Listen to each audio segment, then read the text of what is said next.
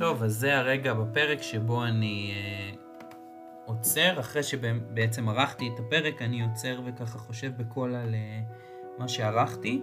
אז אה, ברוכים הבאים לפרק השלישי בפודקאסט. אה, הפעם דיברתי עם אהרון אופטמן על אה, הרומן סולאריס, רומן מדע בדיוני שחיבר אה, הסופר אה, יהודי פולני בשם סטניסלב לם. ואני חושב שמה שנורא בלט לי, גם בעריכה הזאת וגם במהלך השיחה, זה בעצם אה, חילוקי דעות אה, מעניינים בין האורח שלי אה, לביני לגבי המשמעות הסופית של הרומן סולאריס. אהרון חושב שאפשר לפתור, זאת אומרת ש, שלם משאיר לנו בספר את האפשרות לפתור את התעלומה של סולאריס. כוכב לכת שמאוכלס על ידי אוקיינוס עצום, שלא ברור אם הוא תבוני או לא תבוני, והוא עושה כל מיני מניפולציות על החוקרים שמגיעים לחקור אותו. אה, אתם תשמעו בפרק, למי שלא קרא, אתם תשמעו בפרק ותבינו קצת יותר. אה, בעוד שאני חושב שאי אפשר לפתור את התעלומה, או שלם בעצם מרמז לנו שיש מגבלות שאי אפשר לעבור במדע, בגלל שהמדע הוא ניסיון לייצר מראות, כן, להסתכל על עצמנו, וכשאנחנו ניגשים אל הזר המוחלט, אה, משהו ש... סתם, האוקיינוס, אה, לא הזכרנו את זה בפרק, אבל האוקיינוס מתואר שוב ושוב כיוצר מבנים שאף פעם לא חוזרים על עצמם, או כל פעם שעושים ניסוי, הפלט שהאוקיינוס נותן, במקרה שהוא נותן פלט מתי שהוא פשוט אה, מפסיק, אבל כשהוא נותן, אז אי אפשר לפענח אותו, כי שוב, הפלט הזה לא חוזר על עצמו, אז אי אפשר לשחזר. ודבר שני, שאני חושב אה, אה, עלה בשיחה, ממש לקראת הסוף שלה, זה השאלה האם מדע בדיוני הוא ספרות אה, גבוהה. האם הוא יכול להסתדר עם ספרות איכותית, בוא נגיד.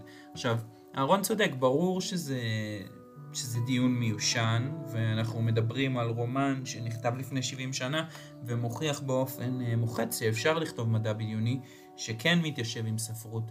אבל עדיין אני חושב שיש משהו אה, בדוגמה שנתתי ובדוגמאות נוספות. קאזו אישיגורו, סופר אה, בריטי, שזכה בפרס נובל לספרות בשנת 2017, כותב רומנים רבים עם אלמנטים מאוד ברורים של מדע בדיוני, אנדרואידים עם תודעה, שכפול בני אדם, אה, היסטוריה אלטרנטיבית של אנגליה וכולי, ועדיין הוא מתעקש ברעיונות להגיד שהוא לא כותב מדע בדיוני, הוא כותב רומן ספרותי שמשלב את העקרונות של מדע בדיוני, אבל יוצר משהו אחר, הוא קורא לזה מכונה מעופפת אה, חדשה.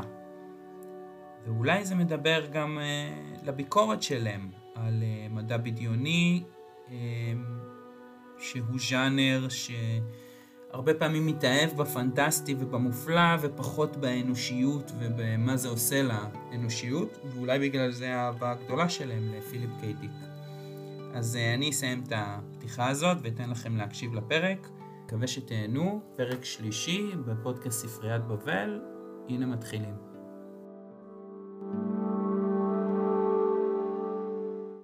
אז ברוכות וברוכים הבאים, אה, פרק שלישי בפודקאסט אה, ספריית בבל, והפעם אנחנו יוצאים לחלל החיצון, ואם ממש חשוב לכם אה, לדעת את הקואורדינטות המדויקות, אז אני אספר לכם שאנחנו יוצאים לאזור אלפא, שבמערכת אקווריוס.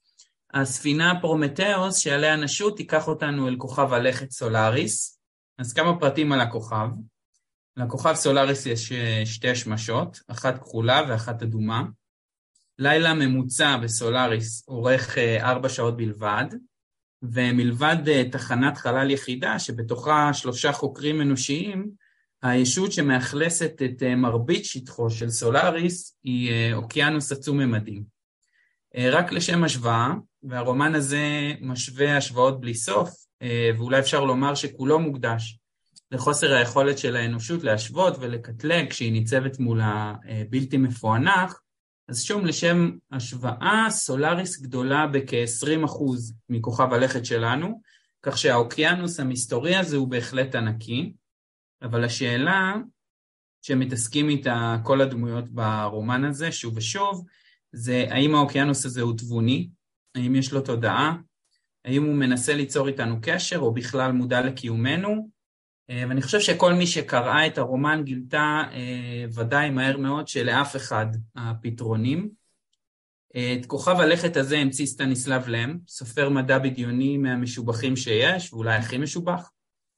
לם, שנפטר ב-2006, היה סופר פולני ממוצא יהודי, שאחרי מלחמת העולם השנייה חי מרבית שנותיו בוורשה. את הרומן סולאריס הוא פרסם בפולנית בפולין בשנת 1961. אה, תרגום ראשון לאנגלית יצא כמעט עשור אחרי זה, ב-70, שנת 70, אה, ורק לאחרונה יצא תרגום אנגלי אה, חדש ואיכותי, אפשר לומר, כי הקודם נעשה מצרפתית, והכילו בו, והוא הכיל הרבה ש... טעויות. אבל אנחנו התברכנו, אנחנו דוברי העברית, התברכנו בתרגום של אהרון אופטמן, אה, שיצא בשנת 1981. אז המתרגם של הרומן הנפלא הזה, אהרון אופטמן, הוא האורח שלנו היום. אז היי אהרון. שלום. אז אהרון הוא חוקר ישראלי אה, שעוסק בתחום החיזוי הטכנולוגי והחברתי ובמשהו שנקרא בשם המאוד מגניב, ואנחנו נשאל אותו אחרי זה, אה, חקר עתידים. אהרון הוא עמית מחקר במכון צבי מיתר לחדשנות טכנולוגית, משפט ואתיקה באוניברסיטת רייכמן, ואיש צוות במכון מחקר לחקר עתידים וחינוך אה, באגף המו"פ של משרד החינוך. אז אה, אני רוצה לדעת הפרק בין היתר, ולזה אה, בטח עוד נגיע, איך כל זה מתקשר לספר שתרגמת, כי לי זה נראה כמו משהו שעומד בסתירה. אבל לפני זה, כחלק מהמסורת הקטנה שלנו בפודקאסט, אני פותח כל פרק עם קישור לבורכס. זאת אומרת, הסופר שנתן את שמו לפודקאסט. אה, אז לא ידוע לי אם בורכס הכיר את סטניסלב להם ואת היצירה שלו, אבל להם בהחלט הכיר את היצירה של בורכס. הוא מזכיר אותו בכמה מסות, ולמעשה מקדיש לו מסע שלמה שחוקרת את הכתיבה של בורכס, אה, והיא מאוד מומלצת ומעניינת, אבל כדי להתחיל אני רוצה לבודד אה, מתוכה משפט אחד ויחיד, ואז להפנות אותו אליהם עצמו, ולראות מה, מה אתה חושב על... אה, האם זה מתאים. אז אה, ככה להם כותב. הסיפורים הטובים ביותר של בורכס בנויים כמו הוכחה מתמטית. אי אפשר להפריך אותם לוגית. ולא משנה כמה הנחות המוצא שלהם יישמעו לנו מטורפות. בורכס מצליח בגלל שבכל סיפור וסיפור הוא לעולם לא מטיל ספק בהנחות המוצא של המודל שהוא מייצר. ואני רוצה לשאול, אהרון, אה, האם אפשר להגיד את את אותו הדבר על אה, הכתיבה של לם עצמו, וספציפית על סולאריס. האם לם מצליח להוכיח ברומן הזה, שאני חושב שזה הנחת המוצא שלו, שיש דברים שאי אפשר להבין אותם? האם הוא מוכיח שיש דברים שאי אפשר להבין אותם? אני לא בטוח שהוא מוכיח את זה, אני אף פעם לא חשבתי על השאלה הזאת אגב, אה, יופי של שאלה, אבל אה, אני, כשאני חושב עכשיו בקול רם, אני לא בטוח שהוא מוכיח שאי אפשר להבין. אני חושב שהוא מראה שיש דברים שהם כאילו מעבר להבנת בני אנוש, אבל האם זאת הוכחה שלעולם לא יהיה ניתן להבין? אני לא בטוח. אם אני יכול ככה קצת אה, לשתות הצידה לרגע, זה מזכיר לי מקפט מאוד מפורסם של איינשטיין, אלברט איינשטיין, תמיד אוהבים לצטט את איינשטיין, גם אני, כן, מי יותר טוב מאיינשטיין לצטט, ואני אוהב לצטט משפט שלו שמדבר, שבו הוא מדבר על דמיון, ודמיון מחבר אותנו למדע בדיוני, כמובן, שנושא כן. הדמיון הוא הכרחי במדע בדיוני, בלי זה אין מדע בדיוני, ואיינשטיין אה, תמיד מצטטים אותו שהוא אמר דמיון חשוב יותר מידע. לכן הוא אמר את זה, אבל זה החלק הראשון של המשפט, המשפט ממשיך הלאה. ומה שכחנו? לא שכחנו, אבל הוא מסביר, הוא לא, הוא בוודאי לא התכוון להגיד שהידע לא חשוב. כן. אלא מה הוא מתכוון שהוא אומר דמיון חשוב יותר מידע? כי הידע הוא מוגבל. על פי הגדרה, הידע הוא מוגבל למה שאנחנו יודעים. הדמיון הוא גם מה שאנחנו לא יודעים, כי הוא מקיף עולם ומלואו, כל מה שאנחנו לא יודעים וניתן לדעת, וכל מה שאולי נדע ואולי גם לא נדע לעולם, משהו כזה. זה אסוציאציה לאיינשטיין, אבל, אבל עוד פעם, אם נחזור לשאלה שלך, אני לא בטוח שבסולאריס לם אכן מוכיח שיש דברים שאי אפשר לדעת. אה, אם אתה מתכוון לסולאריס המסתורי, האם תבוני, לא תבוני, אה, מנסה לתקשר עם בני אדם, לא מנסה לתקשר עם אדם, אפשר לשער כל מיני דברים, הרי יש פרק נפלא בספר שהוא כל ההיסטוריה של המחקרים על סולאריס והדעות של המדענים ומה חשב מדען X ומה חשב מדען Y והוויכוחים האינסופיים והתיאוריות והכל, שזה פרק נפלא שהוא נקרא כמו אה, תיאור החשיבה המדעית או פרודיה שלה, כן? כן. במידה מסוימת פרודיה על ה, או סאטירה על השיטה המדעית. אבל, אבל האם זאת הוכחה שלעולם לא נוכל להבין את סולאריס או דברים אחרים? אני לא בטוח. אז הוא משאיר לא... לנו את זה פתוח. בוודאי, כן. אגב, כן. אם תשאל אותי אישית, אז אה, אני לא בטוח שתיתכן הוכחה כזאת בכלל, אבל, אה, אבל זה כבר עניין של דיון פילוסופי. לא תיתכן, אה, אתה יכול להסביר? הוכחה שיש דברים שלעולם לא נוכל לדעת. Mm, כן. אנחנו משאירים את זה פתוח לעצמנו כאיזה מין תקווה. כן. אני כן. לק... אני רוצה לקוות... תמיד נוכל לדעת. אני רוצה לקוות שתמיד יישארו תעלומות שנרצה לפ... להבין אותן, לפרש אותן, לפענח אותן, ונוכל לעשות את זה, ועדיין יישארו אחרות. אני חושב שגם כל הסולריסטים אה, יסכימו איתך. אה, אגב, למחקר הזה יש, אה, לם נותן לו ככה איזה שם נורא יפה, הסולריסטיקה. כן. הוא באמת מכניס אותנו, בשלב מסוים הוא אומר, זה יותר גרוע מהסכולסטיקה של ימי הביניים. הדיון התיאולוגי, זה כבר הגיע למימדים מפלצתיים, ובחדר שאני יושב לא נצליח להכניס את כל הכרכים של, של אותו מדע, נכון. ש, שכמובן הוא ממציא אותו לחלוטין. כן, כן. אז איך אתה מגיע לתרגם את הספר הזה דווקא? זה הספר היחיד שתרגמת, נכון? אכן. תרגמתי כן, עוד, ספר... עוד כמה וכמה סיפורים, אבל זה הספר היחיד. כן, ואתה היית פעיל, אה, ועדיין, אה, אלא אם כן תתקן אותי, בעולם המדע הבדיוני, בוא נגיד, אתה הקמת, או אחד מהמקימים של כתב העת אה, פנטזיה 2000, אי שם בשנות ה-70. סוף שנות ה-70, כן. סוף שנות ה-70, אז למה, למה לם? למה סולאריס? סיפור מעניין, כן. קודם כל, להשלים מה שאמרת, כתב העת פנטזיה 2000. הייתי אחד ממקימיו ואורחיו מסוף שנות ה-70 עד שנת 1984, ששם הוא הפסיק להתקיים, והוא התחדש לפני שנתיים באינטרנט. נכון, כן. כדאי, ש... כדאי שנזכיר את זה. לקרוא אותו. כדאי שנזכיר את זה, כל הגיליונות של העבר סרוקים ונמצאים ברשת, והוא גם ממשיך לחיות כי כשאני וחבריי אה, עשינו את זה אמרנו אנחנו לא רוצים שזה יהיה רק ארכיון אלא שגם ימשיך להתקיים וכבר בשנתיים האחרונות התפרסמו סיפורים חדשים, מאמרים וכולי ואני מקווה שזה גם ימשיך. עכשיו אתה מחזיר, אתה מחזיר אותי במסע בזמן אחורה לשנת 1980 בערך, וואלה לא יאמן, יותר מ-40 שנה, בעצם עוד יותר אחורה, עוד לפני תחילת פנטזיה 2000 שהתחיל ב-78 בשנות ה-70 יצא לי להיות בלונדון, וכשהסתובבתי בלונדון עברתי בסינמטק של לונדון, והייתה מודעה גדולה, פוסטר גדול, סולאריס, הסרט סולאריס של אנדרי טרקובסקי הרוסי, לא, ידע, לא שמעתי על זה לפני כן כלום, והייתה כותרת גדולה באנגלית, התשובה הרוסית לאודיסאה בחלל 2001, שזה סרט מדע בדיוני, אחד המפורסמים ואחד כן, הטובים. של קובריק, על פי סיפור של ארתור סי קלארק, ארתור סי קלארק שיתף פעולה עם קובריק בהפקת, לא בהפקת, ביצירת הסרט, ברעיונות של הסרט. הסרט משנת 1968, אחד מסרטי המדע הבדיוני הכי טובים עד היום לדעתי, לא ראיתי את כולם, אבל מאלה שראיתי. בכל אופן, הסתקרנתי, ראיתי, התשובה הרוסית לאודיסאה בחלל זה משהו שצריך לראות.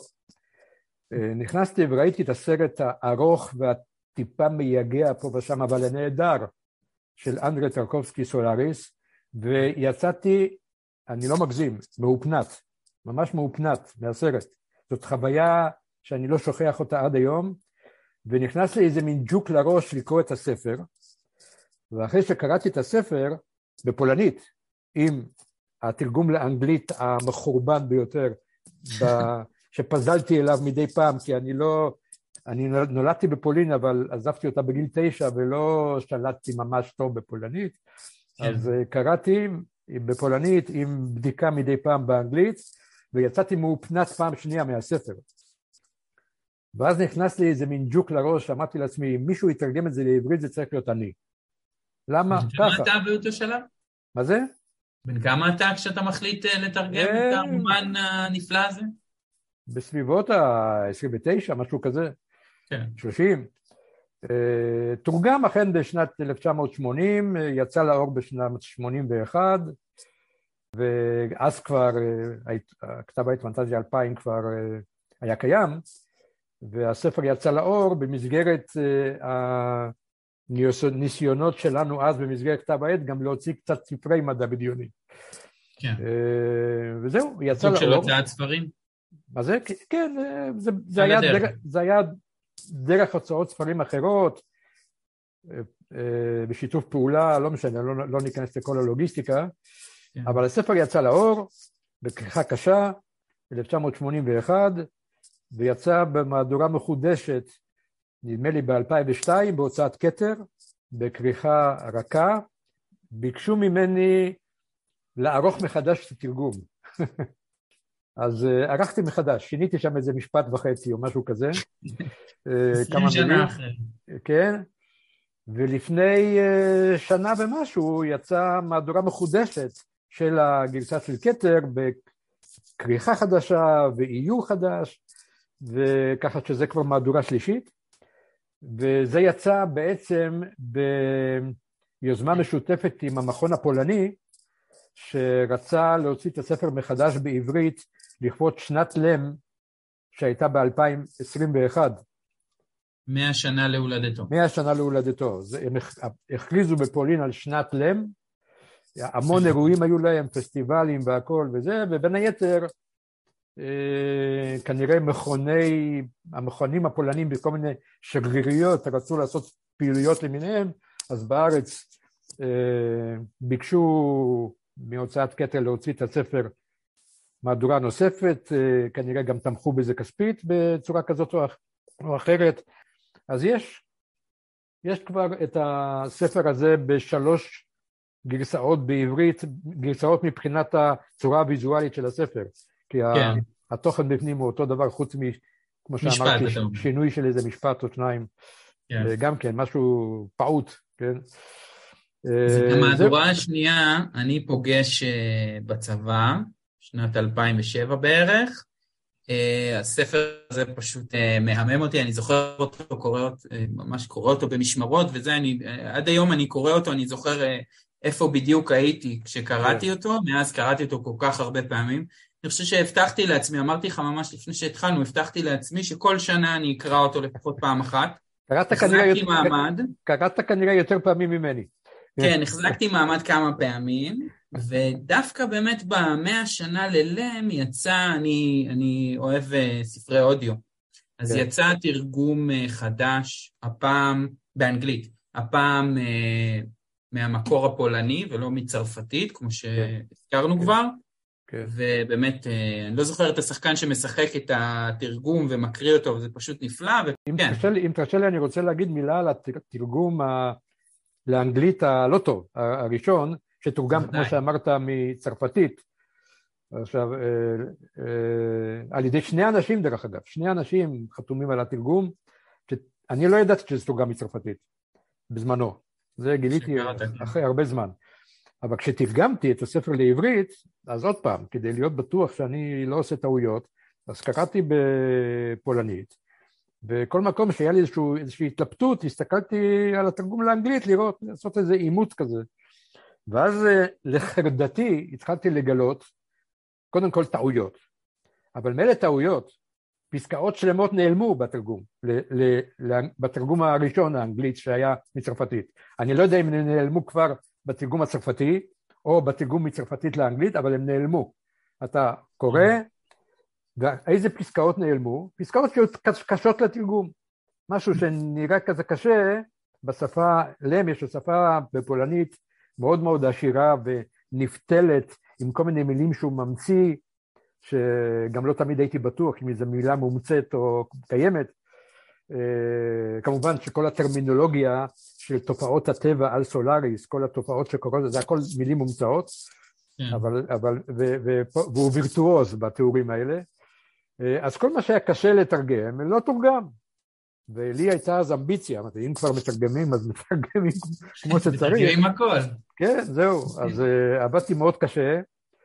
Uh, לא תאמין, בעט ונייר, כן? תקופת האבן. כי, לא, כי... לא שלא היו מחשבים, כבר היו, אבל לא PC כאלה, היו מחשבים שולחניים. ואני חלק גדול מהתרגום עשיתי כשהייתי בחו"ל, הייתי באיזה, כמה, הייתי תקופה של איזה חודשיים, ב-80, נדמה לי, בחילופי חוקרים בדנמרק, אז היה לי מנהג שכל יום אחרי הצהריים הייתי יוש... הולך שם על איזה שפת איזה אגם, יושב לי על, זה, על איזה שולחן כזה של פיקניקים עם דפי נייר ומקשקש בעד ונייר, ויצא לי ככה ערימה של דפים, אחר כך הקלידו את זה. כמה מתאים, מול, כן. מול איזה כן. נהר. נכון, אה, אגם, אגם, אגם. כן. טוב, אז אני חושב למי שלא אה, קרא, אולי כדאי שנעשה איזה קיצור עלילה, כן? כי, כי העלילה היא מאוד חשובה. זאת אומרת, יש את המדע עצמו, אבל גם העלילה כן, היא מאוד כן. חשובה. אתה רוצה ככה להכניס אותנו? אה, אני, אני יכול קצת להכניס ואתה תמשיך, כי קראת את הספר יותר ממני, ואני כבר בטח שכחתי פרטים. אה, אז כמו שנדמה לי שכבר הזכרת, יש תחנת חלל שמרחפת סביב כוכב הלכת שנקרא סולאריס, שבעצם כולו מכוסה באוקיינוס, שהוא כנראה מאיזשהו חומר אה, ספק אורגני, וכנראה יש לו תכונות של ייצור תבוני, ייצור חי. אה, על התחנה עצמה, שבה יש מדענים בני אדם, אה, קורים דברים מוזרים.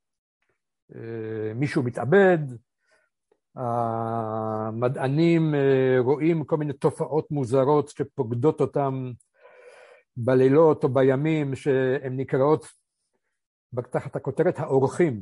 מסתבר שזה, בהמשך מסתבר, אנחנו לא, אה, אין פה בעיה של ספוילרים, נכון, בתוכנית הזאת. כן, אין בעיה. אוקיי, אוקיי אז אה, מתגלה אחר כך שזה כל מיני ישויות שהאוקיינוס יוצר מתוך זיכרונותיהם של בני האדם.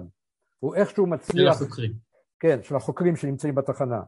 זאת אומרת, עם הזמן מבינים שזה כנראה מה שקורה, שהאוקיינוס כאילו קורא מחשבות, אבל לא רק קורא מחשבות של בני אדם, אלא הוא יכול בדרכים לא ברורות ליצור יש מאין, למשל, אתה חולם על uh, אהובתך ש... Uh, מתה כבר. במקרה של הגיבור. זה המקרה של הגיבור, אז הוא משחזר אותה, והיא מופיעה מול עיניו, כדמות בשר ודם. כן, אבל... אשתו אה, שמתה. כן, עכשיו, למד... לאנשים אחרים מתגלים דברים אחרים, כולל כל מיני סיוטים שיש להם, אז הסיוטים מתגשמים מול עיניהם. וזה אחד, זה, זה אחד הדברים שזה, אחד הדברים שזה הגדולה של סולאריס, אה, שהספר הספר הוא, הוא פועל על הקורא בכמה רבדים. לדעתי זה אחד הכישרונות של לם במיוחד בספר הזה. זאת אומרת, יש את הרובד של העלילה המדע בדיונית, הקלאסית, כן? יש כוכב לכת אחר, יש עליו חייזר. במקרה זה חייזר מאוד מוזר, שזה האוקיינוס. אנחנו רגילים לכל מיני חייזרים דמויי אה, חרקים או מפלצות או או, או משהו שמזכיר בני אדם, אבל זה לא בדיוק בני אדם, כל מיני דברים כאלה, אלף ואחת סיפורי מדע בדיוני, מי שמכיר את המטריה, מוכרים לו. הפעם הוא יוצר חייזר שהוא באמת חייזר. לא מכיר אה, יצירת מדע בדיוני אחרת עם חייזר יותר מוצלח מזה מבחינת הזרות. זאת אומרת, זה יצור שהוא כנראה חי, הוא, נראה כמו, הוא לא נראה כמו שום יצור חי שאנחנו מכירים על כדור הארץ, דמיין לעצמך אוקיינוס שהוא בעצם יצור חי, זה דבר מטורף, ועם תכונות, אה, יכולות שונות ומשונות שהן כנראה גם יכולת לקרוא מחשבות של בני אדם, לחדור למוחם, לשחזר בדרכים פיזיקליות לא ברורות את מה שאנשים חושבים עליהם. דרך אגב, הוא גם יוצר כל מיני צורות בתוכו עצמו, בתוך האוקיינוס. יש תיאורים נפלאים שלהם, כל מיני צורות גיאומטריות, אה, תלת-ממדיות, שהאוקיינוס יוצר מתוך עצמו דברים שנקראים סימטריאדות, כי הם צורות סימטריות, דברים שנקראים אסימטריאדות, כי זה צורות אסימטריות. כן, שכפלנים. ו... כן, שכפלנים, ואתה דברים שמזכירים קצת כמו עיר של כדור הארץ, אבל זה לא עיר אמיתית, זה רק כל מיני מבנים שהם בתוך הנוזל של האוקיינוס, ואתה תוהה האם זה גם מחשבות שהוא דולה ממוחם של אנשים ועל פיהם יוצר דברים, או שלא, או שהוא יוצר את זה להנאתו או משהו כזה. מה המטרה? כן, מה המטרה, לא ברור. ויש לו, ויש לו עוד כל מיני תכונות uh, שבקונטקסט של ספרות מדע בדיוני, אלה דברים חשובים. כי ספרות מדע בדיוני צריך להיות בה איזשהו אלמנט מדעי, נכון? כי בלי כן. מדע בכלל זה לא בדיוק ספרות מדע בדיוני. אז יש אלמנטים מדעיים, מעבר לנושא הזה של לחקור מבחינה מדעית מה זה בכלל האוקיינוס. אבל בין היכולות של האוקיינוס, וזה מתואר כבר בתחילת הספר, זה יכולת שלו, זה, האנשים מפענחים את זה כעבור שנים רבות של מחקר, אבל מבינים שאותה מערכת שמש שבה הוא נמצא, בעצם הוא היה אמור להיות כוכב לכת לא יציב, שהמסלול שלו הוא מסלול כזה מתפרע כזה, כן? לא מסלול רגוע כזה כמו שכדור הארץ מסתובב סביב השמש. בגלל אותן שתי שמשות שונות, דרך אגב, זו תופעה שהיא נפוצה ביקום, צמדי שמשות. זה לא... זה לא המצאה שלהם. את העובדה הזאת אלם לא המציא. זאת אומרת, הרבה מאוד uh, שמשות ביקום הם בעצם צמדים, מה שנקרא כוכב בינארי. ואז uh, המסלולים של כוכבי לכת, אם הם נמצאים בכלל באותה מערכת שמש פלנטרית uh, שבה יש שתי שמשות, הם uh, ממש שונים מהמסלול האליפטי היפה הזה שלנו, אלא מסלולים משתוללים כאלה, אבל כוכב הלכת סולאריס מצליח לייצב את המסלול של עצמו. כנראה זה אחד היכולות שהוא מסוגל, הוא מסוגל לשלוט בשדה הכבידה, בשדה הגרביטציוני של עוצמו, של אותו כוכב לכת סולאריס. יש לו שליטה בזה. תאר לעצמך שהוא, שהוא מתפקד כמו איזה מין מחשב שמפעיל כוחות גרביטציה על אותו כוכב לכת ומש... ושולט על המסלול שלו. זה אחת היכולות שלו, אחת מהרבה כן. יכולות שלו, שזה אחד מהאלמנטים המדעיים שלם מכניס לספר, וכמו בכל, אה, לא בכל, אבל כמו בהרבה ספרי מדע בדיוני טובים יותר או טובים פחות, אה, הפואנטה היא לא ההוכחה המדעית, אלא זה שאנחנו משתכנעים שיש איזה בסיס מדעי. כלומר, יצירת סוג של אווירה של אמינות מדעית, זה חלק מהסודות. זה הרובד הראשון, אתה כן, אומר. כן, כן. מה הרבדים הנוספים? אז, אז יש את הרובד הזה, יש את הרובד של העלילה המרתקת, קורים שם דברים משתוריים בתחנת החלל הזאת. יש התאבדות, יש תופעות מסתוריות שקורות שלא מבינים אותן, יש עלילה, כן? יש מתח. כן. זה הרובד השני. והרובד השלישי זה הפסיכולוגיה האנושית.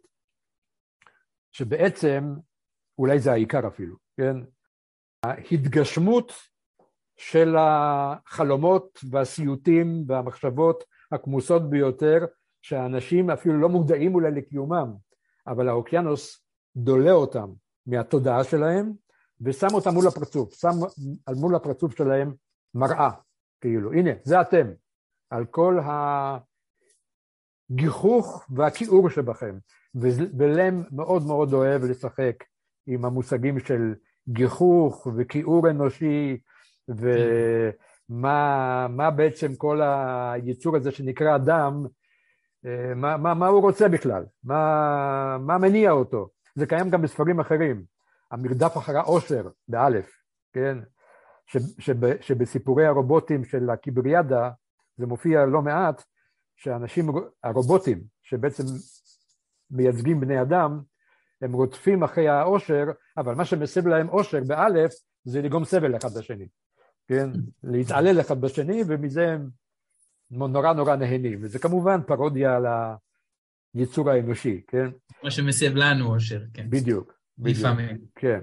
אז, אז אתה אומר הרובד, ה... יש את הרובד המדעי, העלילה והפסיכולוגיה, אז רק כדי שנכניס שוב לתוך העלילה שקשורה לפסיכולוגיה, יש לנו גיבור, קריס קלווין, הוא uh, פסיכולוג קלווין, קלווין, קלווין. כן. אז הוא פסיכולוג ומדען, והוא נשלח בעצם לסולאריס מכדור הארץ כדי סוג של לאבחן את החוקרים, כי מגיעים כל מיני שדרים משונים. וכשהוא מגיע הוא מיד, אני חושב שיום אחרי זה, פחות או יותר כשהוא מתעורר, הוא מגלה את האורחים האלה, או אורחת. יש לו אורחת, הארי, שהיא בעצם, בהתחלה הוא חושב שהוא חולם, אבל אחרי זה הוא מגלה שהוא לא חולם, והיא זיכרון של אשתו שהתאבדה לפני בערך עשור שנים. על כדור הארץ. על כדור הארץ. כן. והפסיכולוג שהגיע לאבחן את האנשים בעצם, אפשר להגיד שסוג של משתגע במרכאות, לם קורא לזה מצב של חוסר היגיון מקפיא דם. ומשם בעצם הכל מתחיל להידרדר. כן. ניסיון להבין מי זאת הארי, כן. מה, יש, מה האוקיינוס הזה עושה לנו. לפני זה יש כל מיני הבזקים ורמזים על מה האורחים או הדמויות, הדמויות שהמדענים האחרים רואים אותם, שהם דמויות שהאוקיינוס דלה ממוחותיהם שלהם. יש שם איזה דמות של, של אישה שחורה, כן. אה, שחורה, גדולת גוף, גדולת ממדים, כן. גדולת ממדים, גדולת גוף, שאתה קורא את זה ואתה מבין בין השורות שהוא רומז לאיזושהי תשוקה מינית כמוסה של אה, אחד המדענים שהיא מתגשמת לו. כן, בחלק מהמסתורין אני חושב שאנחנו לא בדיוק אה, פוגשים את האורחים של, ה... אה, של החוקרים האחרים, אנחנו מקבלים רמזים, אתה אומר, האישה כן. האפריקנית שלא ברור מי היא. כן, כן. אה, אז אני חייב להגיד שבצעירותי, כשאני קראתי את סולאריס, הזדהיתי המון עם קלווין, ועכשיו כל פעם שאני קורא אותה אני לא יכול שלא להזדהות עם הארי, עם אשתו, עם הזיכרון הזה בעצם, שהיא נמצאת באיזה מצב אה, בלתי אפשרי. מצד אחד היא היציר של האוקיינוס, מצד שני היא זיכרון, ומצד שלישי היא, היא, אף, אחד, היא אף אחד מהדברים האלה, כי היא גם, לפחות בהתחלה היא סוג של אה, מין חזרה או איזה רפלקס, אה, נכון. כך הוא מתאר את זה, אבל בהמשך היא, היא צוברת איזה עצמאות, עד שהיא מחליטה בסוף כמובן להשמיד את עצמה. נכון. להשתתף בהשמדה של עצמה. אוקיי, וזה גם, זה, אחד הדבר, זה גם אחד הדברים היפים, שהוא בעצם מתאר אותה, היא דמות, היא דמות כאילו מלאכותית, שהיא לא נולדה מרחם של אישה, אלא היא נוצרה מ... על ידי כוחות שיש לאוקיינוס ליצור ישויות מתוך מוחותיהם של אנשים, אבל ברגע שהיא נוצרה, יש לה כבר ישות משלה, יש לה זיכרונות משלה, שהיא לא יודעת אם הם אמיתיים או לא, היא מנסה להבין כן. מה היא בעצם, ולא כל כך מצליחה, שזה גם אחד הדברים היפים. עכשיו, יש, יש אין ספור רבדים נוספים, ואני בטוח שיש עוד כל מיני רבדים שאני אפילו לא מודע להם גם. אפשר לחפור ולחפור. אבל אה, יש את ה... עוד פעם, הנושא, הנושא של תקשורת או מגע עם ישות תבונית בעולם אחר, זה נושא קלאסי במדע בדיוני. אלף כן. ואחת סיפורים על מפגש עם חייזרים, מפגש עם אינטליגנציה חוץ ארצית, אקסטרה טרוריסטיאל אינטליגנס. וזה קיים גם פה, בצורה נהדרת ומרתקת. אבל מעבר לזה, ועוד, ופה שוב אנחנו פונים יותר לקטע יותר פילוסופי. לם כל הזמן שואל את השאלה, היא מרחפת כל הזמן, בעצם למה אנשים רוצים את המגע הזה? למה בכלל רוצים את התקשורת? בשביל מה זה טוב? מה הם מחפשים שם? הוא שואל את זה בצורה יותר אוניברסלית, מה בכלל אנחנו מחפשים בחלל? מה בכלל אנחנו. כן. מחפשים ביקום? מה אנחנו, למה אנחנו שואפים בתשוקה הבלתי מוסברת הזאת ליצור קונטקט, ליצור מגע עם ישות ציוויליזציה תבונית אחרת? מה, בשביל מה לנו, כן? והתשובה שהוא נותן, או, או לפחות זה מה שנרמז בצורה די ברורה, שאנחנו, ויש קטע נפלא שאם תרשה לי אני אקריא אותו כמה שורות, אה, שהוא אומר בעצם, אה, בעצם אנחנו מחפשים את עצמנו, אנחנו איפה שלא נהיה, אנחנו נמצא את עצמנו, אפילו בקצה הגלקסיה, בכוכב לכת אחר, מול אוקיינוס, אנחנו נמצא את עצמנו. מה זה נמצא את עצמנו? האוקיינוס יוצר, יוצר אותנו מול עצמנו, להראות לנו כמה אנחנו נלעגים ומגוחכים. זה בעצם מה שהוא אומר. זה... דבר זר שהאוקיינוס יוצר, אנחנו מפרשים אותו כמשהו שקשור אלינו. אתה אומר, האוקיינוס נכון. יוצר דברים שדומים להרים. נכון. הוא לא באמת יוצר אותם, כן, אבל אנחנו. חושבים שהם... כן, עכשיו, אם, אם תרשה לי, אני אקריא כמה שורות. ודאי, כן, אני גם סימנתי את אותה פסקה, אז אני מאוד אשמח שתקריא. אז, אה, יש לך קול יותר רדיופוני ממני, אתה... לא, לא, לא. זה פס, פסקה שאני מאוד אוהב, היא אחת החזקות בספר. זה, אני, אני אקצר, כי יש כמה משפטים באמצע שאני אפסח עליהם, אני ארכז את זה לכמה שורות, וזה לדעתי אחד הקטעים הכי חזקים בספר, וזה גם מעביר את התחושה בעצם מה, מה, מה לם מנסה להעביר לנו. אז אה, זה, זה מתוך איזשהו, נדמה לי מתוך איזשהו דו-שיח בין שני מדענים שם. אז אני, אני מקריא כמה שורות. קלווין וסנאוט. יכול להיות, אני כבר לא ממש זוכר. אה, אנחנו יוצאים אל החלל, מוכנים לכל, כלומר לבדידות, למאבק, לתלאות, למוות. אנו נמנעים מלומר זאת בקול רם מטעמי צניעות, אך בליבנו אנו חושבים לעיתים עד כמה אנחנו נפלאים. והנה מתברר שזה לא הכל, שכל הנכונות וההתלהבות שלנו אינן אלא העמדת פנים. איננו רוצים בכלל לכבוש את החלל, כי אם להרחיב את גבולות כדור הארץ. כן? אבל זה לא הכל, יש, אני פוסח על כמה שורות, מה אומר בהמשך? בעיני עצמנו אנחנו אבירי המגע הקדוש, כן, ככה הוא קורא לזה, המגע הקדוש, מגע עם ישויות אחרות בעיקור. זה כזב נוסף, איננו מחפשים אלא בני אדם, בני אדם כמונו. אין לנו צורך בעולמות אחרים, אלא במראות. זאת הנקודה. איננו יודעים כלל מה לעשות בעולמות אחרים. די לנו בעולם האחד שלנו, וגם אותו קשה לנו לבלוע. ובהמשך, קיבלנו מה שרצינו, מגע עם ציוויליזציה אחרת. סוף סוף מתגשם המגע הנכסף. והתוצאה עומדת לפנינו. הגדלה מפלצתית, כמו מבעד למיקרוסקופ, של כיעורנו הפנימי, של כל המגוחך והנלעג שבנו. נקודה. זהו, זה, זה תמצית של התמצית של התמצית של רוח הספר, כן. אה, זהו. אפשר לסיים, אתה... אה, כן, כמעט, כן, כן. כן.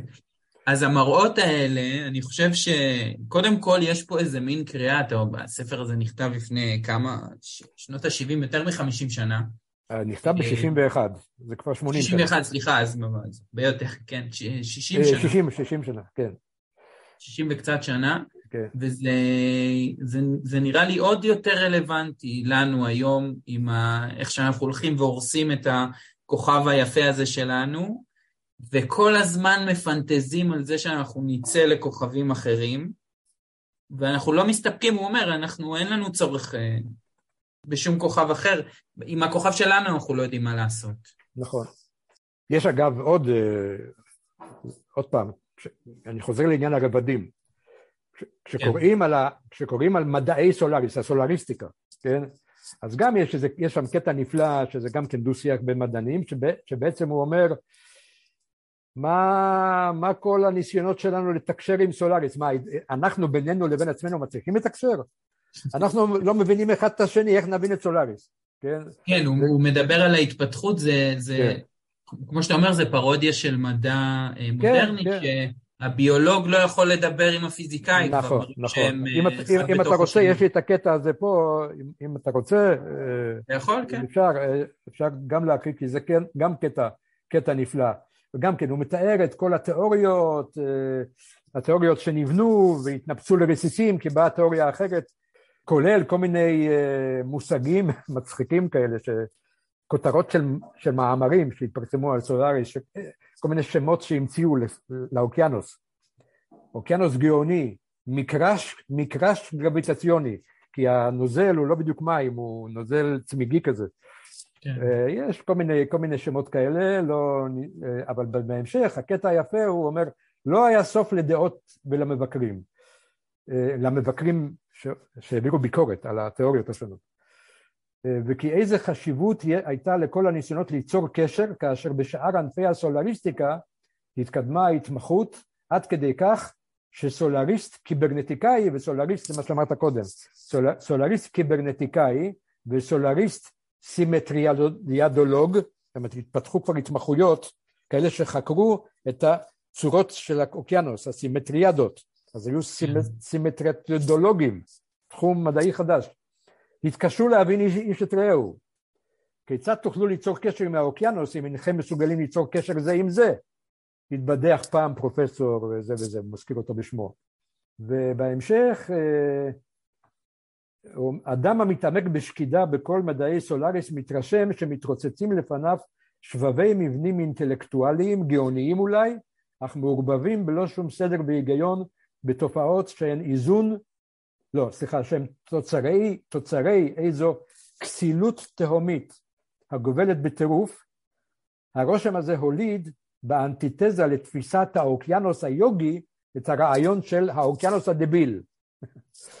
אה, היפותזות אלה הוציאו מן הקבר והחיו את אחת הבעיות הפילוסופיות העתיקות ביותר, היחס בין החומר, הרוח והתודעה. אז הוא משחק פה בין הדברים המומצאים בקשר לסולאריס לבין הפילוסופיה העתיקה והוותיקה האנושית עם השאלות הגדולות שפילוסופים ניסו לענות, הוא מערבב אותם עם, ה... עם, עם סולאריס. ואתה רואה את זה במדע המודרני מחוץ לסולאריס? זאת אומרת, אה, יש המון המון תיאוריות שלא מתיישבות אחת עם השנייה? או שיש איזה דרך לארגן את הכל? כי אה, לם גם אה, מבין גדול במדע. בוודאי, בוודאי. היה לו רקע, זאת אומרת, הוא לא היה מדען, אבל הוא היה מין פולימץ כזה, כן, אחד שיודע הכל, כן, קרא המון, כן. גם, גם כתב המון מאמרים אה, על מדע ועל טכנולוגיה ועל פילוסופיה, השתתף בכנסים מדעיים, אה, היה איש אה, אשכולות. בוודאי שיש במדע דברים שהם אה, לא מתיישבים אחד עם השני. מנסים, מנסים ליישב אה, במין תיאוריה של הכל, את כל הפיזיקה, שתאחד תחתיה מצד אחד את תורת היחסות של איינשטיין ומצד שני את מכניקת הקוונטים, שגם, שגם בה היה לאיינשטיין תרומה נכבדה, והוא לא אהב אותה כמו שאנחנו יודעים. הוא תרם רבות למכניקה, לפיזיקת הקוונטים, אבל uh, היה לו קשה איתה, כי הוא אמר הרי שאלוהים לא משחק בקוביות, כן, ולפי פיזיקת הקוונטים, לפי פיזיקת הקוונטים האקראיות היא דבר מובנה, אה, מצד שני, תורת היחסות, הכל מסודר, יש משוואות מתמטיות מדויקות שמתארות הכל, אבל שני הדברים עדיין מחכים לאיזו תיאוריית על שתאחד אותם יחד ותיישב את הסתירות לכאורה ביניהם. יש המון שאלות פתוחות במדע, יש עד היום מתווכחים, כן היה מפץ גדול, לא היה מפץ גדול, מה שנקרא המודל הסטנדרטי של היקום, לא כולם מסכימים לו, כל תורת המיתרים, יש כאלה שאומרים שזה בולשיט, יש כאלה שאומרים שזה ההתחלה של התיאוריה המאוחדת של הכל. צריך לדבר עם פיזיקאים, אני לא בדיוק פיזיקאי, אבל, yeah. כן. אבל בוודאי, אבל, אבל זה, לדעתי זה אחד הדברים היפים במדע, שכמה שאתה, כמה שלא מתקדמים, עדיין צצות שאלות חדשות שצריך להשתדל לענות עליהן. ואולי באמת, כמו ש... אמרת, רמזת בתחילת השיחה, אולי באמת לא נוכל לדעת אף פעם את כל התשובות. גם זאת אפשרות. אז אמ, לפני שנצלול עוד יותר למה שאתה עושה, וה... בוא נגיד החלק המדע במדע הבדיוני, אני רוצה אה, לשאול אותך, כי ראיתי גם שכתבת איזו הקדמה למחקר על אה, סולאריס. אה, ניל גיימן, סופר לא יודע אם בדיוק מדע בדיוני, אבל סופר פנטזיה, אה, אמר פעם שמדע בדיוני ופנטזיה לא תמיד מתיישבים עם איכות ספרותית גבוהה, וזה גם כמובן יסכימו הרבה מבקרים, וזה, אבל זה איש שכותב פנטזיה, זאת אומרת, הוא, הוא מגיע אבל, מבפנים. אבל, אבל זה נכון לכל ספרות. זאת אומרת תראה, שהרוב יש, הרוב תראה, הוא יש, לא איכותי. תראה, יש, לא, אה, אה, נכון, יש משפט נהדר של סופר מדע בדיוני בשם תיאודור סטארג'ן, לפני הרבה מאוד שנים. כתב באיזשהו מקום, יותר מ-90 אחוז, אני לא זוכר בדיוק את האחוזים, יותר מ-90 אחוז או 95 אחוז מהמדע, מספרות המדע הבדיוני זה זבל. נקודה. ובמשפט הבא הוא אמר, כמו בכל הספרות. כן, זה, זה נכון. כן. מצד אחד, מצד לא שני... מדע, לא, בלי לדבר על האחוזים המדויקים, אבל... כן, כן. כן. ולם ודאי יסכים עם זה, כן. ו, ועוד שנייה גם אה, נדבר על פיליפ קיי דיק, איזה סופר כן. שהוא מייחד. אמ, אבל אני חושב שמה שגיימן מתכוון זה שדווקא הרצון להראות את הפנטסטי, להקפיץ אותנו אלפי שנים בעתיד, הניסויים המחשבתיים האלה הם אולי אה, מעוררי מחשבה, אה, אבל אה, נדיר שמדובר בספרות יפה. אבל בסולאריס אני חושב שלם הגיע לחיבור המושלם. זאת אומרת, מדובר גם במדע, שכמו שאתה אומר, הוא משכנע, מה שסופר מדע בדיוני צריך לעשות זה לשכנע אותך.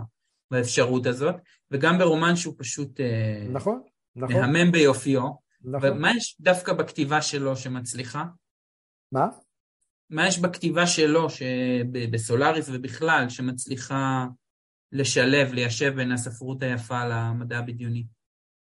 אז אה, אז עוד פעם, אני, אני, קצת, אה, אני קצת מתנגד ל, ל, לעצם השאלה שכאילו צריך ליישב איזושהי סתירה פה, שמדע בדיוני כאילו הנורמה זה שזה לא ספרות יפה. כן. אני, אני מתנגד לאמירה הזאת. לא, יש ספרות, יש ספרות, והספרות, וה, והדרישות שלי ושל הרבה מאוד חובבי מדע בדיוני מספר מדע בדיוני הם כמו דרישות מכל ספרות.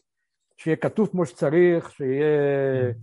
כיף לקרוא את זה, שיהיה ברמה ספרותית.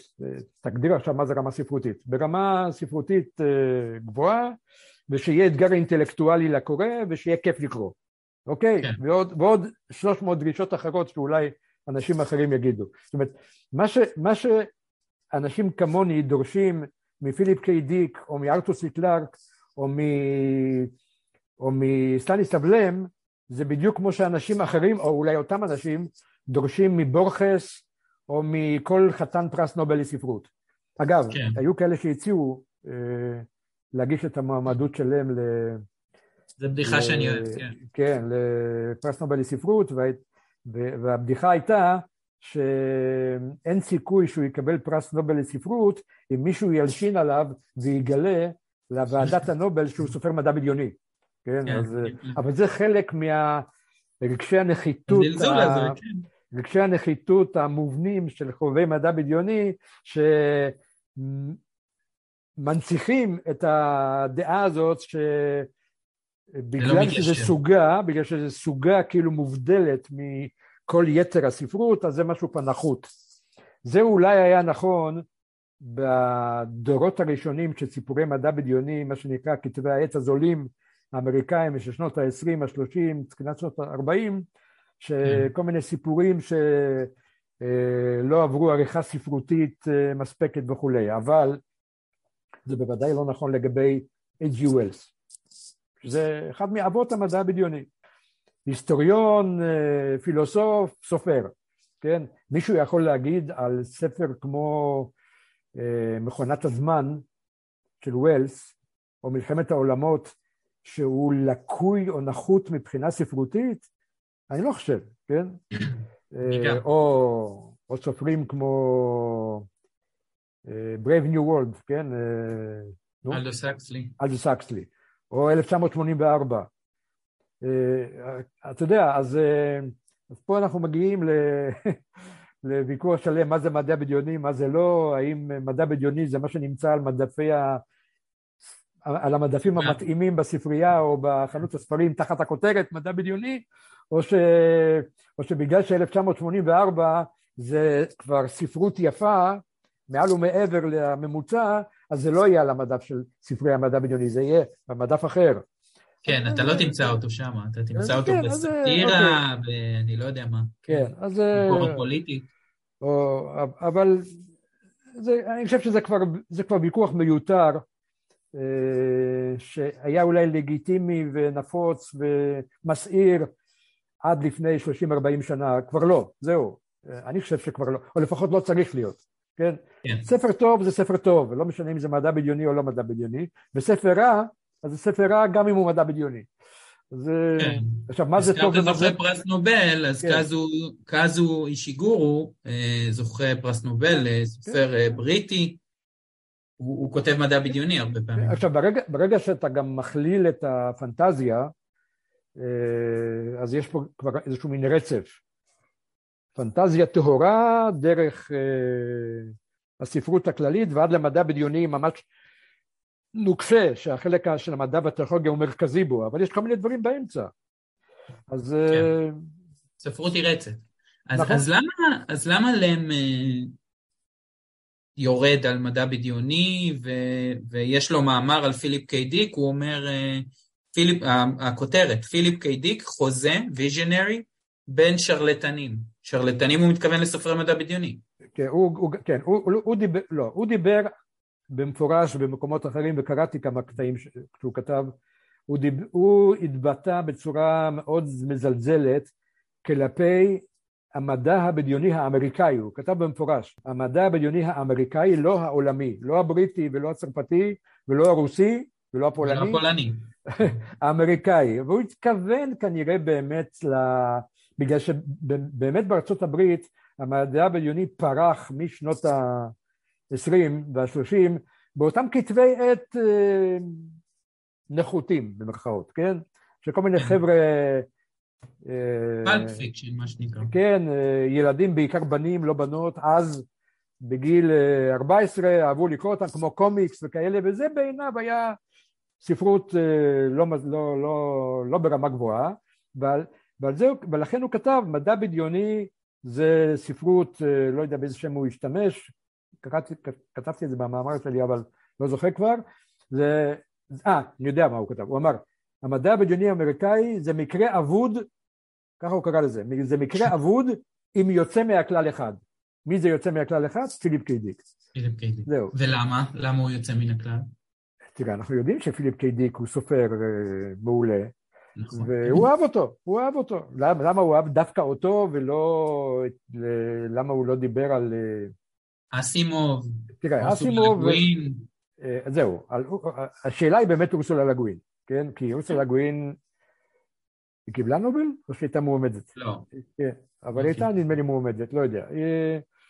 אז, אז קודם כל, אתה יודע, אני לא רוצה להיכנס לראשו של לם, אני גם לא בטוח שהוא קרא את כל ספרי המדע הבדיוני האמריקאי, הוא ראה מול עיניו, הוא ראה מול עיניו את המסה, את המסה של המדע הבדיוני האמריקאי שהוא לא אהב אותה אה, ופיליפ קיי דיק עם הרעיונות הפרועים של פיליפ קיי דיק וההזיות וכל זה, זה, זה דיבר אליו, הוא גם כתב על זה בכנס העתידנים על סמי הזיה וכולי. אה, עכשיו, עכשיו עם פיליפ קיי דיק היה סיפור שלם, אתה בטח מכיר את הסיפור ההזוי הזה. כן, וגם הזכרנו אותו בפרק על אה, פיליפ קיי דיק, שבעצם אה, דיק הולך ומלשין ל-FBI, כן, שאין כן. כזה דבר, סטניסלב להם. לא יכול להיות שבן אדם אחד יכתוב כל כך הרבה יצירות מופת, שזה, שזה משפט אה, נפלא פשוט. כן. זה חייב להיות אסופה של קומוניסטים פולנים וכולי. זה קבוצת מחתרת, קבוצת מחתרת שדרך ספרות המדע הבדיוני זוממת להשתלט על ארה"ב, כן? אז... כן. היה לו דמיון, אין ספק. היה לו דמיון שגם אה, תודלק על ידי כל מיני כימיקלים. כן, אין ספק. וכן, וגם היו לו, סבל המסכן מבעיות נפשיות. כן. אה, כן, אבל אה, כבודו במקומו מונח. אין ספק. ולם מאוד חשוב לו גם לדבר על הכבוד הזה. נכון. אז אתה עובד בחקר עתידים, זאת אומרת, חלק מהעיסוק שלך. אה, ואני רוצה לשאול אותך, אה, האם יש תחזיות אה, שכך תהיה התקשורת שלנו עם ישויות חיצ... חיצוניות, חוצניות? אני מדבר כך, זה האוקיינוס של סולארס, לא נבין אותם, לא נדע אם הם לשלום, אם הם למלחמה, אם הם בכלל מכירים בנו, אם הם תבוניים. אנשים לוקחים את להם וחושבים, אולי ככה באמת יהיה המפגש? תראה, יש לי, יש לי מה להגיד על הזיקה בין אה, חקר עתידים, חיזוי טכנולוגי וכולי, לבין מדע בדיוני, אבל שאלת משהו ספציפי, אז אני, אני לא יודע בוודאות, אני חושב שאין. כי, כי בעצם, תראה, התפקידים הם שונים, יש זיקה חזקה, אבל התפקידים הם שונים. התפקיד של המחקר בתחום של חקר עתידים, חיזוי טכנולוגי וכולי, זה לנתח מגמות התפתחות ולהבין את ההשלכות שלהן. עכשיו, כל עוד אנחנו אפילו לא יודעים אם בכלל יש חיים מחוץ לכדור הארץ, אז מגמ... אין פה הרבה מה לעשות בקונטקסט המדעי של, של החיזוי הקלאסי אה, שמדבר על תופעות ומגמות קיימות, כן? זאת אומרת, אפשר אפשר לדבר על uh, ההתפתחות שהייתה בהבנת האופי של הכוכבים ביקום, של כוכבי השבט והשמשות וכוכבי הלכת, ולעשות איזה מין אקסטרפולציה לעתיד ולהגיד לפי מה שקרה עד היום אז אפשר לשער שבעתיד יקרה XYZ ולמה אני מתכוון? הרי עד לפני לא כל כך הרבה שנים, אני לא בטוח שאני אדייק במספר, אבל משהו כמו, לא יודע, 30 שנה, בכלל לא ידענו עדיין אם יש עוד כוכבי לכת חוץ מכוכבי הלכת של מערכת השמש. ידענו שיש המון המון המון כוכבים, שמשות, אבל לא ידענו אם יש כוכבי לכת. הייתה השערה שיש, אבל כל עוד לא נצפו, אז, אז אה, זה, היה, זה היה הכל בסימן שאלה. עד שהתחילו להתפתח הטלסקופים אה, המשוכללים, שהתחילו לגלות כוכבי לכת. ואז הסתבר שכמו ששיערו באמת, כוכבי לכת זה דבר נפוץ. אוקיי, אז עברנו שלב. ואז, ואז השאלה הייתה, האם בין כוכבי הלכת הקיימים, והם רבים מאוד, האם יש כאלה שמאפשרים קיום חיים עליהם? אוקיי? ואז אה, עשו כל מיני תצפיות ומדידות וכולי, וגילו עוד אחד ועוד אחד ועוד אחד, ולפי דעתי היום יש כבר אה, כמה אלפי, מה שנקרא אקזופלנטס, כלומר כוכבי לכת שהם כנראה יש בהם תנאים שמאפשרים חיים במתכונת של החיים שמוכרת לנו בכדור הארץ. כלומר שיש שם מים בטווח טמפרטורות כזה שמאפשר, אה, אבל הכל, כדוג... והמודל של, שיש לנו זה מודל החיים שאנחנו מכירים על כדור הארץ כאן. כמובן שיכול לבוא, אתה יכול לבוא מישהו אחר ולהגיד רגע מי יודע, מי יודע אם בעולמות אחרים אין חיים שמבוססים על סיליקון במקום על פחמן שזה החיים האורגניים שאנחנו מכירים כאן. יכול להיות. ואגב, יש הרבה סיפורי מדע בדיוני שמתארים יצורים שמבוססים על סיליקון, כן, עוד משנות ה-30.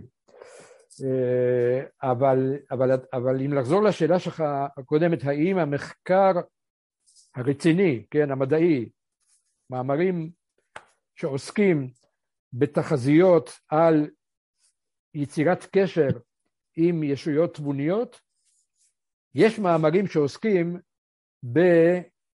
אה, אבל עוד פעם, הם יותר, הם יותר תרגילים אינטלקטואליים כאלה, תרגילים מחשבתיים, מאשר דברים שמתבססים באמת על ממצאים מדעיים.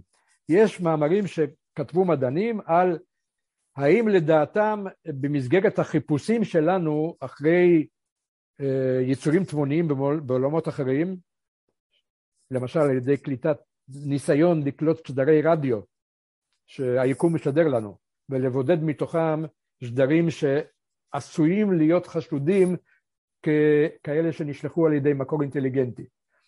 האם אם נגלה שדר כזה, האם אנחנו צריכים לענות עליו וככה לחשוף את קיומנו כאן, כן או לא, כן? אז מדענים מתווכחים ביניהם על הנקודה הזאת. האם, האם אנחנו נצטרך להגיב על שדר כזה, או שעדיף שלא, שנתחבא, למה? כי הניסיון שלנו פה על כדור הארץ מראה שכשטכנולוגיה מתקדמת פוגשת תרבות עם טכנולוגיה נחותה יותר, היא משמידה אותה. ראה את כיבוש ארצו, אה, אמריקה, אמריקה והשמדת הילידים, כן? או חטיפת אנשים מאפריקה והפיכתם לעבדים, כן? אז באנלוגיה הזאת זה מה, ש... זה מה שתעשה לנו כביכול ציוויליזציה מפותחת שקיימת במקום אחר ביקום, אם היא תגלה את קיומנו. אז אה, אתה יודע, בתור אה, תרגלי חשיבה אינטלקטואליים זה נחמד, אבל זה לא ממש רציני, כי זה לא, כי זה לא מתבסס על עובדות. ברגע שנגלה באמת חיים תבוניים מחוץ לכדור הארץ, אז אפשר יהיה לדבר בקונטקסט כן. המדעי.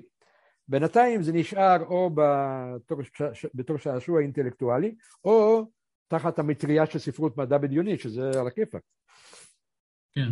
אמ, זה נראה לי שלם אה, בעצם תפס יפה, כמו שאתה מתאר את העניין שאנחנו באמת מסתכלים על מראות, כאילו, אתה אומר, אה, אנחנו לומדים מזה שהספרדים אה, פחות או יותר השמידו 90 ואני לא יודע כמה, את אוכלוסיית הילדים בדרום אמריקה ולא רק. נכון. אז, אז אנחנו, כן. האם יש אפשרות ל, למדע אחר? לא. מה זאת אומרת? לם לא מציע לנו אפשרות... יש, הוא אומר לנו, יש גבולות לידע האנושי, למדע האנושי, ואין אין דרך לפרוץ את הגבולות האלה. לא, אני, לא, אני, אני חוזר, אני לא חושב שהוא אומר את זה. אני, אני, אני לא מצאתי, אולי אתה קראת את סולאריס יותר פעמים ממני, אני לא מצאתי אה, פסקה או משפט שאומר, נכון שהוא שאי אפשר כאילו בעתיד לכתוב. שכאילו מלגלג על כל מדעי סולאריס, הסולריסטיקה, ועל זה שלא הגיעו להבנה אמיתית ושלמה של מה זה האוקיינוס ומה בעצם היכולות שלו ואיך הוא חושב, אבל הוא לא אומר בשום מקום שלא יבוא דור חדש של סולריסטים בעוד מאה שנה ולא יגיע לתשובות האלה. הוא לא אומר את זה. הוא, הוא, מתאר, הוא מתאר מצב שקורה באותו זמן נתון, עם כל מה שקורה שם על, תח, על התחנה הזאת, אבל אה, אולי, אולי אם נקרא את זה עוד פעם נגלה את זה, אבל לא, אני לא חושב. אני, אני מעניין אם הוא, כן, מה, מה הוא חושב על האופטימיות הזאת. אני, אני, גם חושב, אני גם חושב שהוא, תראה, הוא ב, ביסודו של דבר רציונליסט. ומאוד מאוד, אה, עם כל הלגלוג שלו על טבע, על הטבע האנושי ועל המחקר המדעי והכל בכלל, מין אה, אחד, טיפוס שאוהב ללגלג בכלל על הרבה דברים, נגיע לזה אולי תכף, אבל יחד עם זאת, הוא רציונליסט, הוא מכבד את החקירה המדעית, אני חושב שהוא מכבד מדענים, הוא מתעניין מאוד, התעניין מאוד במדע, ואני די משוכנע שאם היינו עכשיו מראיינים אותו ושואלים אותו האם הוא פסימיסט וחושב שלמדע לעולם לא יהיו תשובות על הרבה דברים שאנחנו שואלים את עצמנו היום, אני מהמר על זה שהוא היה אומר שיש המון דברים שאנחנו לא יודעים שהמדע כן יצליח לתת עליהם תשובות, ואולי אה, תוך כדי כך ייווצרו שאלות חדשות. זה כנראה מה שהוא היה אומר. כמו הרבה מדענים אחרים אגב, זה לא מדענים אחרים, אני כבר הגדרתי אותו כמדען, לא בדיוק מדען, אבל הוא... בוא, בוא, בוא, בוא נסכים שהוא שקול למדען, בידע שלו הרב תחומי הוא שייך למדען. טוב, אז uh, לסיום, תמליץ לנו בבקשה על ספר או סיפור אחר של אם, ולפני זה אתה יודע מה, אני אשאל אותך, אתה חושב שסולאריס זה ה... הפסגה שלהם, או שיש כזה דבר בכלל? אני, עוד פעם, אני לא, לא קראתי את כל ספרי, קראתי מעט מאוד ספרים שלהם, אני בוס, ולהג, בוס להגיד את זה. אה, וככל שעובר הזמן יותר קשה לי לקרוא פולנית, ואני לא כל כך אוהב לקרוא תרגומים, אז, אה, אז קראתי מעט, אבל מאלה שקראתי, אהבתי מאוד את סולאריס כמובן, ואהבתי מאוד את הקיבריאדה, שזה אוסף של סיפורים קצרים נפלאים, מלאי הומור, שם באמת ההומור האירוני הזה של לם בא לידי ביטוי בצורה הנפלאה ביותר שיש, למרות שאני אישית, בניגוד אולי לאחרים, מוצא קצת הומור בסולאריס גם, אה, דיברנו על זה לא, קודם. אני לא מצאתי, מעניין. לא, על הגלגנות, ההומור הזה של אה, האירוניה, על המדע, אה, על המדע, כן. זה, עובר. האירוניה הפולנית הזאת היא קיימת שם. תראה, אני, אני, אני תמיד אוהב להגיד שאם הייתי צריך להסביר מה זה בעיניי ספר מדע בדיוני מושלם, כן, או להתקרב לספר מדע בדיוני מושלם, בעיניי זה סולאריס. כי יש באמת yeah. את, כן. את כל המרכיבים האלה, גם את העלילה וגם את השאלות וגם את הרובד הפסיכולוגי וגם את הרובד הלינגוויסטי, הלשוני, משחקי המילים והכל, הכל זה ביחד, זה מה שעושה מדע בדיוני טוב, וגם את, ה, וגם את המדע, או, או הספקולציה המדעית, כן? הרי, הרי לא דיברנו על זה, אבל יש שם בספר גם כל מיני הסברים ממה מורכבים היצורים האלה שהאוקיינוס יוצר. יש שם תפקיד לחלקיק נויטרינו, שזה חלקיק חסר מסה וחסר מטען חשמלי, והוא בונה שם תיאוריה שלמה שבעצם הנויטרינו זה הבסיס לאותם אה, יצירי כפיו או מוחו של האוקיינוס. עכשיו, אם תראיין מחר פיזיקאי, הוא יגיד לך זה קשקוש בלבוש, מה, אי אפשר לעשות שום דבר מנויטרינו. נויטרינו לבד הוא לא... אבל... זה חלק מהקסם. אבל, כן, אבל במדע בדיוני אפשר להשתולל עם הרעיונות, וזה מה שעושים. אגב, אה, בתור קוריוז, רק אפשר להגיד, נתנו ללם את הכבוד וקראו לכל מיני גרמי שמיים על שמו.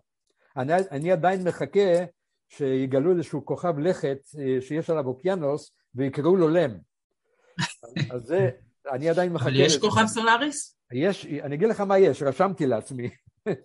יש ככה, יש קודם כל, יש uh, כוכב לכת בשם פילקס, על שם uh, אחת הדמויות שלהם, בהרבה ספריו, אחד מגיבורי ספריו. ישנו פלנטואיד, זה, זה מין כוכב לכת קטן כזה שהתגלה בשנת 2013, שנקרא איון טיכי, אחד מהגיבורים האחרים של yeah. כן. לם, וישנו אסטרואיד, אתה יודע, יש חגורת אסטרואידים, זה אלפי אה, גופים שחגים במסלול בין הצדק למאדים, אם אני לא טועה, אה, ויש אסטרואיד שנקרא לם 3836. אז כוכב לכת לא, אבל אסטרואיד כן. אז uh, התגלה ב-1979. אז אני עדיין מחכה שיתגלה כוכב לכת כזה דמוי uh, ש, שיכול להחזיק עליו חיים ויש עליו אוקיינוס גדול, אולי מחכים לזה כדי לקרוא לו, לתגלית הזאת, כדי לקרוא לו לם. טוב, אנחנו יוצאים מפה בקריאה, תמצאו לנו כוכב עם אוקיינוס. כן. תקראו להם. אם אפשר גם שתי שמשות. נכון. אפשר גם יותר. כן. אה, טוב, אז אהרון, אה, תודה רבה, היה ממש מרתק. אני, אני, חושב אני חושב שתמיד טוב לסיים, תרשה לי, לסיים ב, בסוף של המשפט האחרון של סולאריס. יאללה, בבקשה. הסוף של המשפט האחרון של סולאריס אומר, טרם חלב זמנן של נפלאות האימה. זאת אומרת, תמיד יש מקום לעוד המשך, לעוד משהו, כן? עכשיו, נפלאות האימה, כלומר זה אימה, אבל זה גם נפלא, אז... אה, טוב, אז שוב, תודה רבה, ולהתראות. תודה רבה, ובהצלחה בפודקאסים הבאים. הכל טוב.